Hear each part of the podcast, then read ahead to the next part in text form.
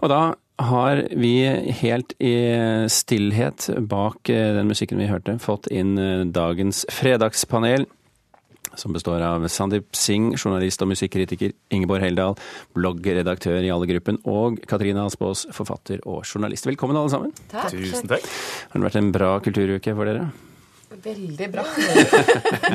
Nå måtte jeg tenke meg Ja, samme her, altså. Har du det? La oss være mer konkrete. Vi har eh, tre spørsmål som dere skal få diskutere i dag, og vi begynner med det første. Danse-Norge var skjønt enig denne uken i at popstjernen Beyoncé har kopiert koreografien til Alexander Ekmans suksess på Nasjonalballetten En svanesjø, Swan Lake, i sin siste video til låten 'Freedom'. Ekman gir seg for overmakten og tar ikke affære overfor Beyoncé. Men spørsmålet vårt er burde han gjort det? Nei. Han burde ikke fortsette. Nei. Hvorfor ikke skal man bare la seg kue her? Vi kan begynne på Heldal. Man skal egentlig ikke la seg kue, og sånn prinsipielt sett da, så er jo selvfølgelig ikke jeg for at man skal forsyne seg andres åndsverk og ikke kreditere dem, men jeg tror at stakkars Ekman, hvis han skulle gått inn i det her, så hadde det for det første drept kreativiteten hans i all overskuelig eh, framtid, fordi det ville blitt en så komplisert eh, prosess. Han har fått masse oppmerksomhet eh, rundt det.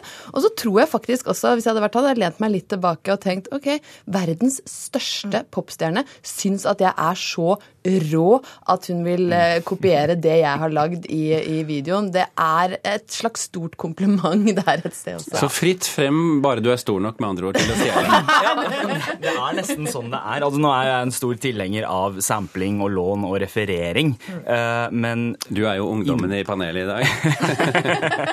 Men eh, så, så må det jo også kommuniseres frem at det her er en referanse, da. Det, eller ideelt sett. Um, nå eh, er det jo ikke så mange solskinnshistorier om den lille mannen som har blitt stjålet fra, eh, som ender eh, med en lykkelig slutt. Altså, man har jo denne finske chiptune-artisten som gikk mot Timberland fordi Timberland eh, stjal en bit av hans komposisjon til Nelly Furtado-låt.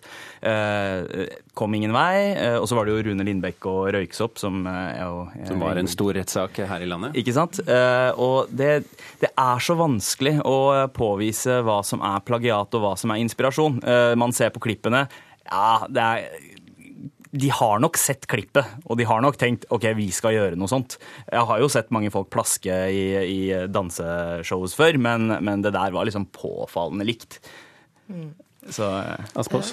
Ja, jeg, jeg tenker at det er, det er så åpent nå. Vi lever i sånn her overflod av produksjon og av kreativitet. Så det er, altså, det er på godt og vondt, dette her sånn. Eh, og jeg vet jo det, jeg har lært av Jeg har lest om eh, Picasso, som sa det at jeg stjeler alt som jeg syns er fint. eh, Og bruker det. Og det beste er jo altså Vi må jo sørge for at vi selv krediterer. Det er liksom eh, rule number one. At vi at vi selv eh, ikke oppfører oss sånn. Men hvis, eh, hvis en eller annen har lyst til å bruke noe av det jeg har laget, så blir jeg jo eller, blir kjempestolt. Eh, Det er liksom noe Jo, som heter Men hør nå, du, du er jo siviløkonom. Du har jobbet årevis i Aftenposten som økonomijournalist. Ville dette vært akseptert i næringslivet? Det er det jo hele tiden. For eksempel så det er en av, en av mine produkter som er et veldig rart ord, som er feiltastisk. Det å være feiltastisk. Det, Men du tok ikke patent på det. Nei, du kan ikke ta patent på sånt. Vi går jo rundt og er feiltastiske, vi gjør feil. Eh, og Peder Stordalen, han har stjålet feiltastisk. Han brukte feiltastisk og i, i glitrebokstaver over hele Choice-veggen med 4000 mennesker i salen. Og det er jo det er litt sånn, det er, en, det er noen som mener at det er en ære å bli karikert. karikert. Det er ubehagelig, veldig ubehagelig å bli karikert. Men dette tok Men det er en ære. positivt. Men kanskje er det en ære å bli plagiert. Det er en ære å bli plagiert. Det er litt La sånn oss, det går med slutte, la oss slutte med det som et eh, spørsmål, og så hopper vi til spørsmål eh, nummer to. Det har vært eh, rekord for TV og nettserien Skam her i NRK, med nesten én million unike brukere på nett på det meste, og i snitt ca. en halv million som følger med. Men i en artikkel i Aftenposten så er det en tidligere fan som Eller ja, tidligere fan faktisk, som eh, sier at serien har forandret seg for mye, for det er altfor mange gamle som nå ser på, og, og forsøker å tekkes feil publikum. Vi skal ha et lite eksempel på det her.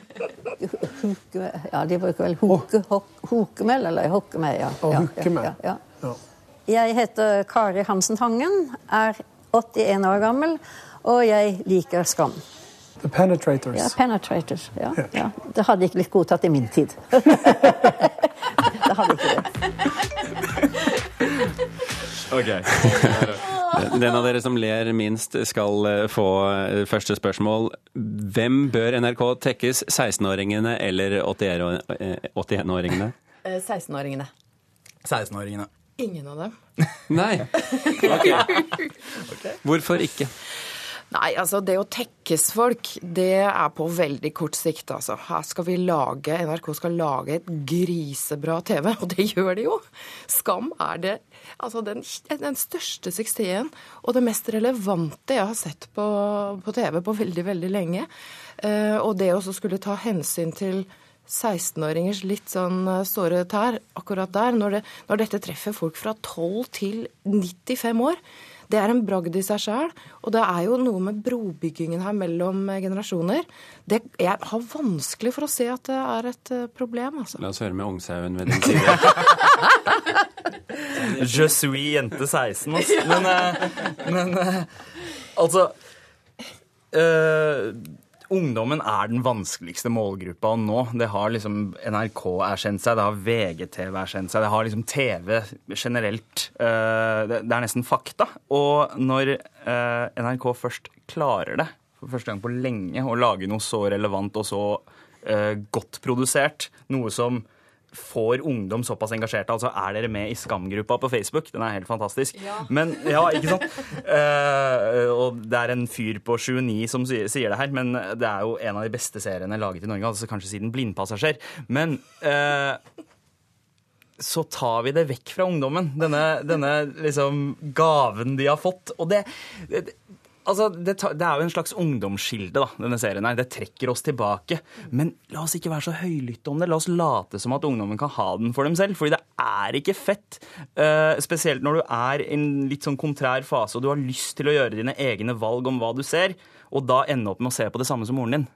Er det litt som at eh, bestemor blir med på Facebook, eh, Heldal? Ja, det er det. Og jeg må innrømme at jeg sitter her og skammer meg, fordi jeg er en av de som ødelegger for 16-åringene. Samme her, altså. Det er liksom Ingeborg, 43, som har fått seg genser med Nora pluss William og måtte gå ut av et møte fordi jeg fikk en tekstmelding 'William har svart'. Og det er ganske flaut. Og jeg innser at jeg er med å ødelegge fordi denne serien var ment for, men jeg klarer ikke å slutte. Så jeg har liksom egentlig bare, bare innsett at dette her Det er kjørt, altså. Vi, vi har tatt det fra de, og vi ødelegger det sakte, men sikkert ved å overanalysere, ved å lage egne grupper på Facebook liksom for voksne som liker skam. Altså, vi, har, vi tar det fra de, Ja. men vi greier jo ikke å la være. Nei, nei. Ja, jeg, ja, men jeg mener at vi får lov til å observere skammen, men la oss ikke delta i den. Det er Men vi skal ikke la være. Nå må jeg bli litt sånn Tante Grusom her. fordi å ta liksom det store perspektivet Vi kan ikke la være. Vi kan ikke la være å se dette her. For dette her er helt obligatorisk for alle som har noe med unger å gjøre.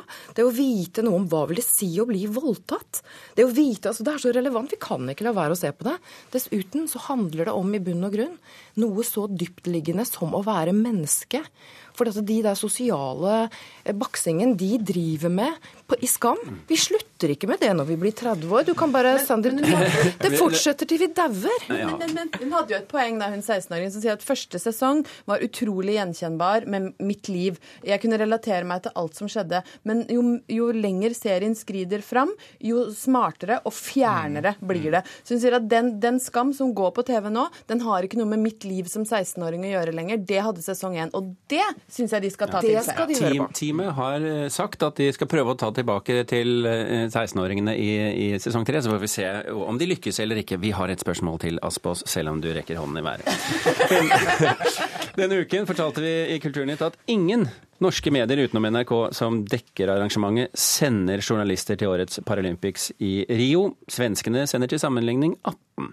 I ettertid har Aftenposten snudd og sender nå én journalist til Paralympics. Har dere forståelse for at norske mediehus må prioritere hardt i nedgangstider med store arrangementer som OL og EM i fotball?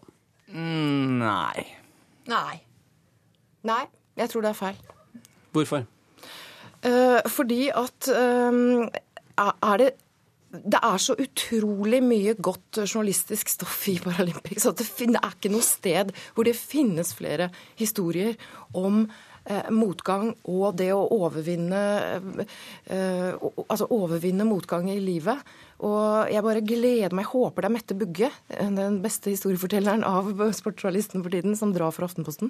Det, det er eh, Du får sende inn en forespørsel. jeg, jeg, her, herved, Mette, reis av gårde. Lag historier, for det og her om er det Om det ikke er Mette, så send Mette også. ja, nei, Dette har vi lyst til å, rett og slett lyst til å følge med på. Så. Sandeep? Jeg er også ganske enig i det. Nå, nå er vi jo i en tid hvor mediene må nedprioritere på en måte det man anser som liksom nisjesaker.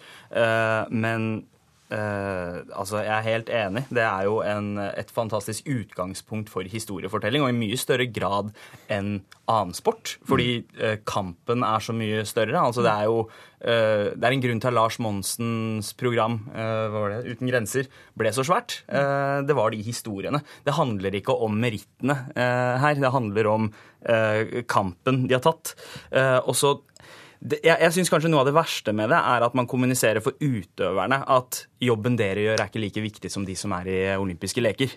Uh, og det er ganske demotiverende. altså. At det har blitt en klasseforskjell heller? Ja. Ja, det er jo, jeg syns faktisk det er hårreisende eh, å, å skille. Så, altså, det, er, det er ikke grenser for hvor mange de kan avse til eh, det ordinære OL, men ingen Sende ingen. Eh, Det syns jeg er skikkelig trist. Jeg er helt enig. Det er, hvis du da ikke er resultatlista, som er eh, driveren her, så må du lete fram alle de sterke, gode historiene og lage god journalistikk på det. Men, men erkjenner du ikke også at mediene står overfor store prioriteringsproblemer i den situasjonen vi har i dag? Jo, altså det, det, det handler ikke om at jeg ikke ser at eh, redaksjonene utarmes og det må prioriteres, men, men det er noe med Det blir så fallitterklæring altså, å lene seg tilbake og si nei, vi kan ikke sende noen. Altså, før Aftenposten snudde, så var det ingen, bortsett fra NRK, som skulle dekke det. Og det, det syns jeg da, Jeg blir skikkelig lei meg. Det syns jeg er feil. Vi får uh, si det som så. Vi får lese svenske medier i de ukene det varer i Rio.